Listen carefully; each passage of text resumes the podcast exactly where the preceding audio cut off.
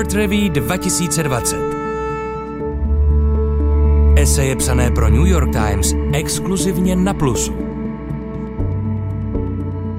Posloucháte esej Yuvala Noaha Harariho, izraelského historika a autora knihy Sapiens Stručné dějiny lidstva. V časech krize musíme volit buď posílení občanské společnosti nebo totalitní dozor – nacionalistickou izolaci nebo globální solidaritu. A je ještě brzy na to soudit. Ještě stále jsme uprostřed krize a to nejhorší jsme možná ještě nezažili. Pokud jde o samotnou pandemii a určitě pokud jde o ekonomické a politické důsledky. Ta velká bitva se nevede mezi lidstvem a virem, nýbrž mezi námi samotnými a našimi vnitřními démony. Stojíme před volbou. Na krizi můžeme reagovat tím, že se vydáme cestou autoritářských a totalitních režimů a budeme se snažit pandemii zastavit zavedením totalitního režimu z hora, nebo naopak posílíme postavení občanů. A stejně tak můžeme na krizi reagovat tím, že budeme šířit nenávist a konkurenci mezi státy a obvinovat z krize cizince a menšiny, nebo se budeme snažit spolupracovat. Pro mě je jasné, jaký je správný postup, ale také vím, že nesmíme podceňovat lidskou hloupost. Je to jedna z nejsilnějších sil v historii. V mnoha případech se zdá, že volba je jasná a lidé přesto udělají pravý opak.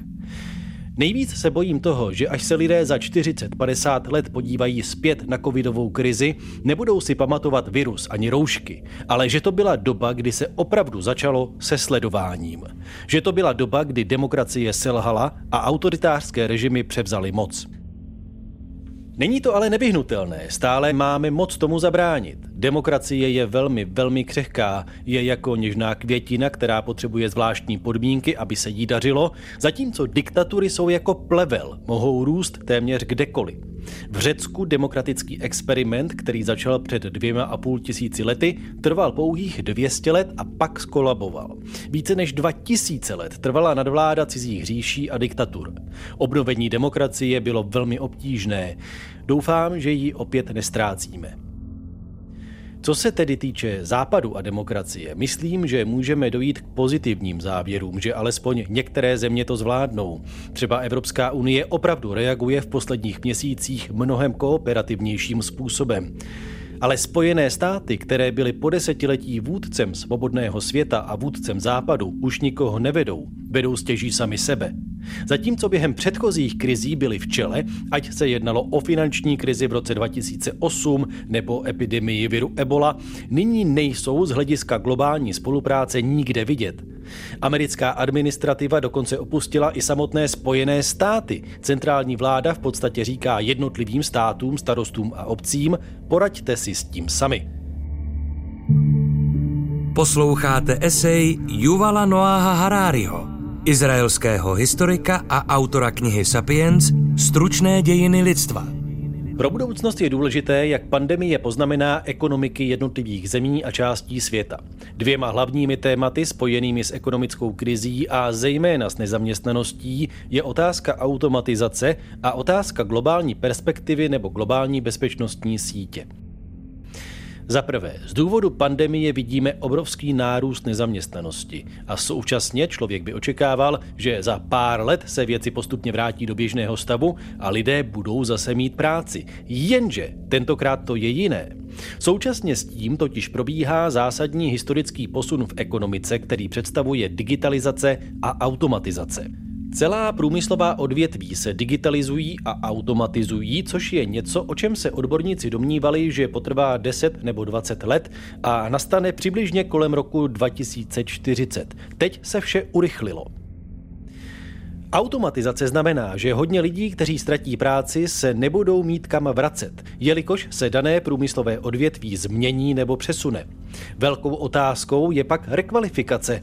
Vzniknou nová pracovní místa. Velký problém ale je, jak rekvalifikovat lidi, kteří před krizí měli nějakou práci, například dělali taxikáře nebo řidiče nákladních aut, na úplně jiné zaměstnání. Bohaté země jako Německo, Japonsko nebo Spojené státy mají zdroje, aby provedly masivní rekvalifikaci pracovní síly, co ale budou dělat chudší země. Pokud nebudou schopni své pracovníky přeškolit, budou stát nejen před problémem nezaměstnanosti, jak jsme jí znali v minulosti, budou muset řešit vznik třídy nepotřebných lidí, kteří nebudou mít schopnosti, které hospodářství potřebuje. Můžeme si představit, že Evropská unie pomůže svým nejslabším členům a bude mít celounijní program na rekvalifikaci pracovní síly i v chudších členských státech. Co se ale stane na Blízkém východě? Co se stane v Africe? Co se stane v Jižní Americe? Může dojít ke kolapsu celých zemí a následný chaos a násilí a vlny uprchlíků mohou destabilizovat celý svět. Moje největší obava z ekonomického hlediska je to, že dosud neexistuje žádný ekonomický plán pro celý svět. Stojíme před globální krizí, ale máme pouze národní nebo regionální plány. Už dávno jsme měli mít globální ekonomický plán, ale nic takového neexistuje. Mám takový pocit, že na globální úrovni prostě nejsou žádní dospělí lidé, kteří by to řešili. Každý se stará sám o sebe a nejslabší jedinci, což ve skutečnosti představuje miliardy lidí, jsou ponecháni svému osudu. Když učíte online, třeba prostřednictvím Zoomu na univerzitě, řekněme na Harvardu, na místo v Bostonu můžete v zimě pobývat v Řecku. Proč ne? Pak ale nastává otázka digitální infrastruktury. Kdo ji vlastní? S tím, jak se v našem společenském a soukromém životě stále více používá digitální infrastruktura, nenastal čas na to, aby se z ní stal veřejný statek? Co to je za svět, kdy se celé naše životy odehrávají na platformách vlastněných soukromými firmami a jednotlivci, kteří jsou možná na druhé straně světa a přitom mají prst na tlačítku, které kontroluje celý náš život? Také mají přístup ke všem údajům. Evropská unie usiluje o regulaci soukromých dat, problém ale je, že Evropa v tomto dostihu nemá žádného koně. Žádná z velkých technologických firm není evropská. Takže pro Evropu by to byl obrovský problém, pokud by skutečně chtěla ovlivnit, co se děje. Posloucháte esej Yuvala Noaha Harariho, izraelského historika a autora knihy Sapiens Stručné dějiny lidstva. Znovu se pokusím nastínit nejhorší scénář. Teď nastává nová forma imperialismu, něco jako digitální imperialismus. Abyste dneska ovládli nějakou zemi, nemusíte do ní poslat tanky. Stačí, když získáte její data. Představme si, řekněme, řeckou politiku za 20 let, kdy celé osobní záznamy každého politika, každého starosty, každého novináře budou v rukou někoho v Pekingu nebo San Francisku nebo Moskvě. Jako dítě nemáte facebookový účet, ale představte si politika za 20 let, který se uchází o nějaký úřad a někdo má kompletní záznam toho, co dělal na vysoké škole. Klíčovou otázkou je dnes vznikající možnost hacknout lidské bytosti, což se nikdy předtím v historii nestalo. Hodně se hovoří o hekování počítačů, chytrých telefonů a bankovních účtů, ale ta skutečně velká revoluce, kterou právě prožíváme, je vznikající možnost hacknout lidi. Pokud máte dostatek údajů o dané osobě a dostatečně výkonné počítače, můžete danou osobu hacknout, můžete ji rozumět lépe, než ona rozumí sama sobě. Můžete znát její politické názory, sexuální preference, její všechno. A pak s ní můžete úplně manipulovat. To je něco, co demokracie ani žádná jiná lidská společnost nemusela nikdy řešit. To skutečně podkopává naše tradiční představy o demokracii a otevřené společnosti. Jelikož demokracie předpokládá svobodnou vůli jednotlivců, to, že s námi nikdo od určitého bodu nemůže manipulovat. A to též platí i pro svobodnou ekonomiku, v níž má zákazník vždycky pravdu. Jenže ve chvíli, kdy korporace a vlády budou mít schopnost hacknout lidské bytosti, pak žádná svobodná vůle nebude existovat. Budou vědět, jak s námi manipulovat. Nejchytřejší lidé na světě, vycházející v posledních deseti letech z Harvardu, MIT a Stanfordu, řeší problém, jak vás přimět, abyste klikli na tlačítko s reklamou. A daří se jim to, jelikož hekli naše mozky. Objevili, že nejjednodušší způsob, jak získat vaši pozornost, je stisknout ve vašem mozku tlačítko označující nenávist, strach a zlost.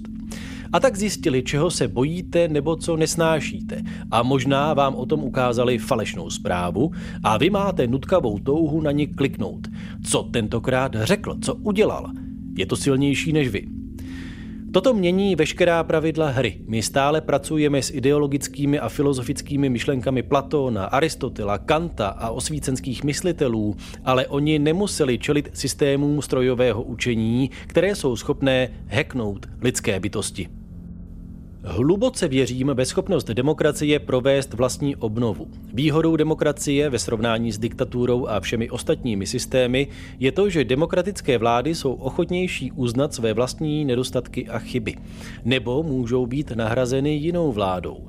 Demokracie jsou tedy přizpůsobivější, ale je třeba si být jasně vědom povahy hrozeb, před nimiž stojíme. Nejsnadněji se manipuluje s lidmi, kteří věří na naprostou svobodnou vůli, že každá volba, kterou učiním, je moje vlastní, že to dělám pro svoji svobodu. Pokud si uvědomíme, že nikoli, že nyní žijeme ve světě, kde existují vnější systémy, které nás mohou heknout, je to první krok k vybudování odolnějšího demokratického systému. Stane se svět v následujících letech více autokratickým, protože k tomu koronavirus a nové technologie otevírají příležitost? Nevím. Záleží na tom, jaká rozhodnutí lidé po celém světě přijmou v nadcházejících měsících a letech. Historie není pevně daná. Stále můžeme jednat. Stále máme moc o těchto věcech rozhodnout. Nebezpečí tkví v tom, že pokud se jednou vydáte směrem autokracie, není cesta zpátky. Znovu opakuji, že velkou výhodou demokracie je to, že demokracie bývají pomalejší, jelikož nestačí přesvědčit jednu osobu. Potřebujete kompromis, musíte přesvědčit hodně lidí. Ale pokud se v demokracii udělá chyba, je mnohem snazší to přiznat a zkusit něco jiného.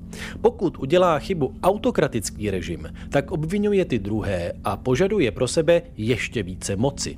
A ve chvíli, kdy se u moci ocitne autoritářský režim, je v moderní době velmi těžké ho odstranit zevnitř. Pokud se podíváte na skutečně totalitní režimy, jako bylo nacistické Německo nebo Sovětský svaz, ať už byly jakkoliv hrozné, nebylo možné je svrhnout zevnitř. Bylo možné je svrhnout pouze z hora, jako například v Sovětském svazu, kdy se samo vedení rozhodlo, že je na čase zkusit něco jiného, anebo zvenčí, jako v případě nacistického Německa, ale nikoli zevnitř. Když se jednou lidé rozhodnou, pojďme zkusit autoritářský režim, tak to není pojďme zkusit. Je to v mnoha případech na celý život. Je to extrémně nebezpečná cesta a bohužel je teď mnoho zemí, které stojí těsně před touto nebezpečnou volbou.